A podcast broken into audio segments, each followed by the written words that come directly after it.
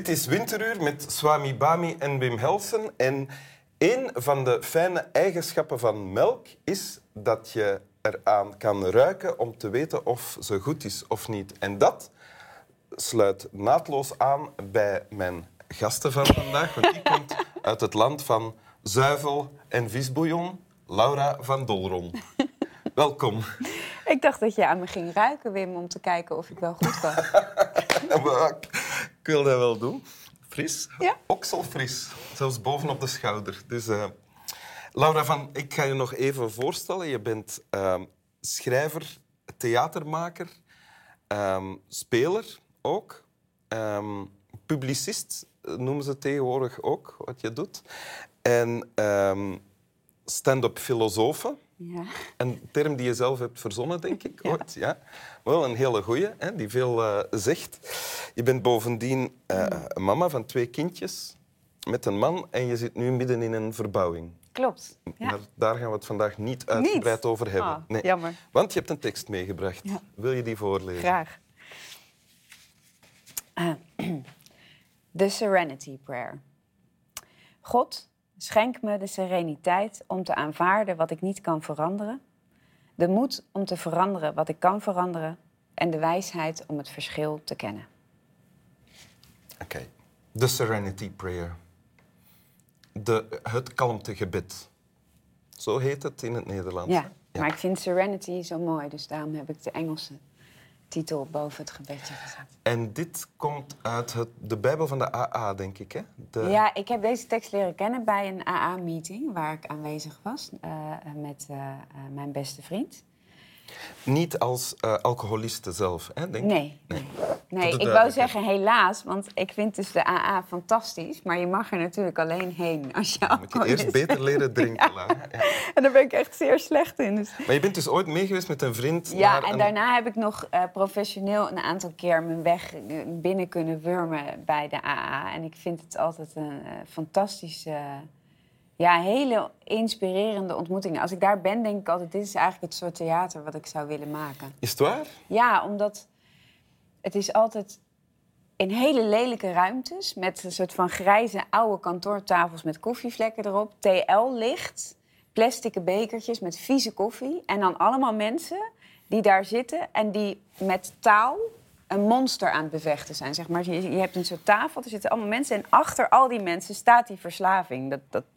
En zij moeten met woorden die verslaving van zich af proberen te praten. Dus dat is gewoon schitterend om, om als taal zo gebruikt wordt. Het is echt taal als, als wapen tegen de dood, eigenlijk. Hmm, en dat ontroert jou? Of dat... Ja, dat is schitterend. Omdat die taal ook allemaal zo mooi is. Terwijl niemand denkt na over ik ga iets moois zeggen. Ze zeggen allemaal datgene wat ze moeten zeggen om niet ja, door dat monster opgevreten te worden. En het is allemaal loepzuiver, prachtig en ontroerend. Zoals? Herinner je Nou, er was bijvoorbeeld een man die zei... Uh, uh, sinds ik niet meer drink, voel ik me heerlijk helder. En dat is schitterend, dat, dat weet jij misschien niet. Maar Jawel. Heineken, de leus van Heineken, is heerlijk helder. Heerlijk dus ik helder vond het super mooi dat hij dus zichzelf, nu hij niet meer dronk, zei dat hij heerlijk helder was. Waarmee hij eigenlijk de term van Heineken terugclaimde. En, en een soort van zei, ik herdefinieer die term. Want heerlijk helder Heineken slaat natuurlijk helemaal nergens op. Ja, ja. Het is natuurlijk juist niet helder.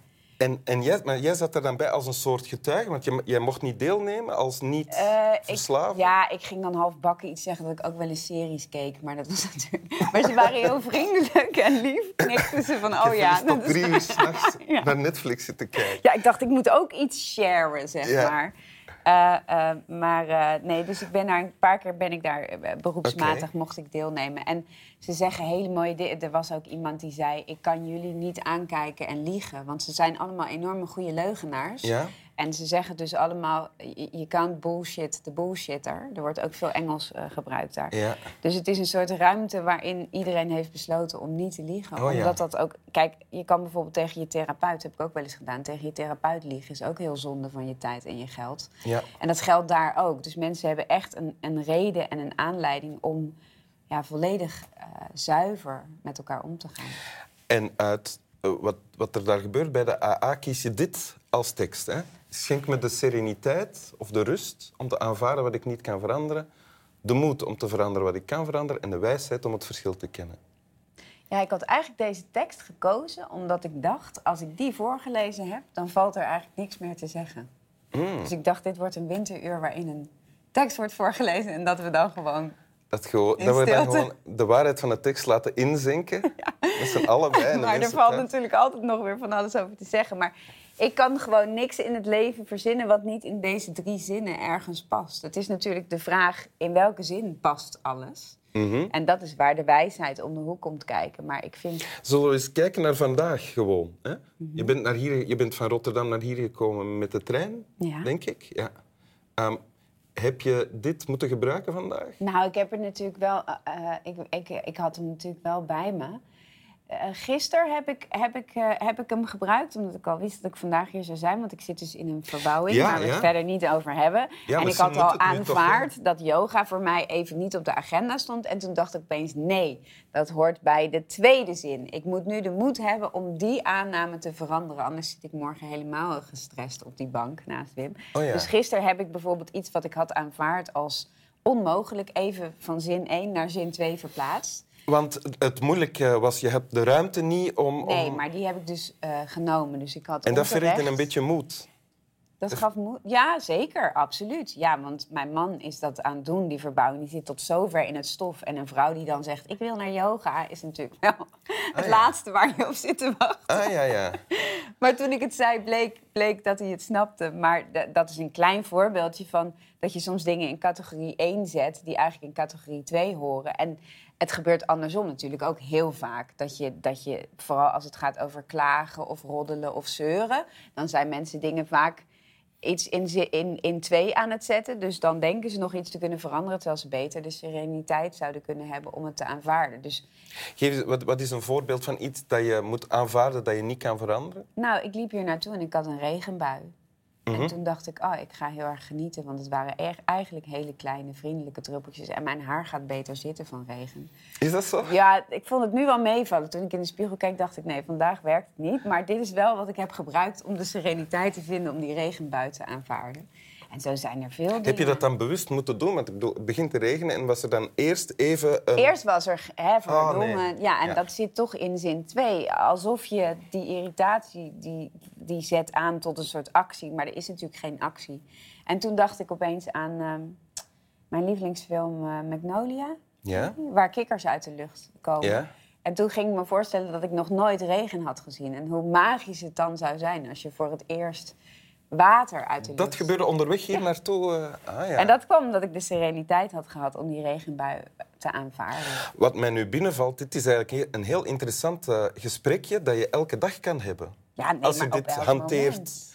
Ik zeg het ook omdat dit hing eh, bij mij thuis, mijn ouderlijk huis, aan de koelkast ook, deze tekst. Mijn vader was ook bij de AA. Ehm, niet als stille getuige, zoals jij. maar omdat hij verslaafd was aan alcohol. En dit hing aan eh, de koelkast. En eigenlijk, ja, ik heb dat toen ook gelezen. Het stond er zonder God.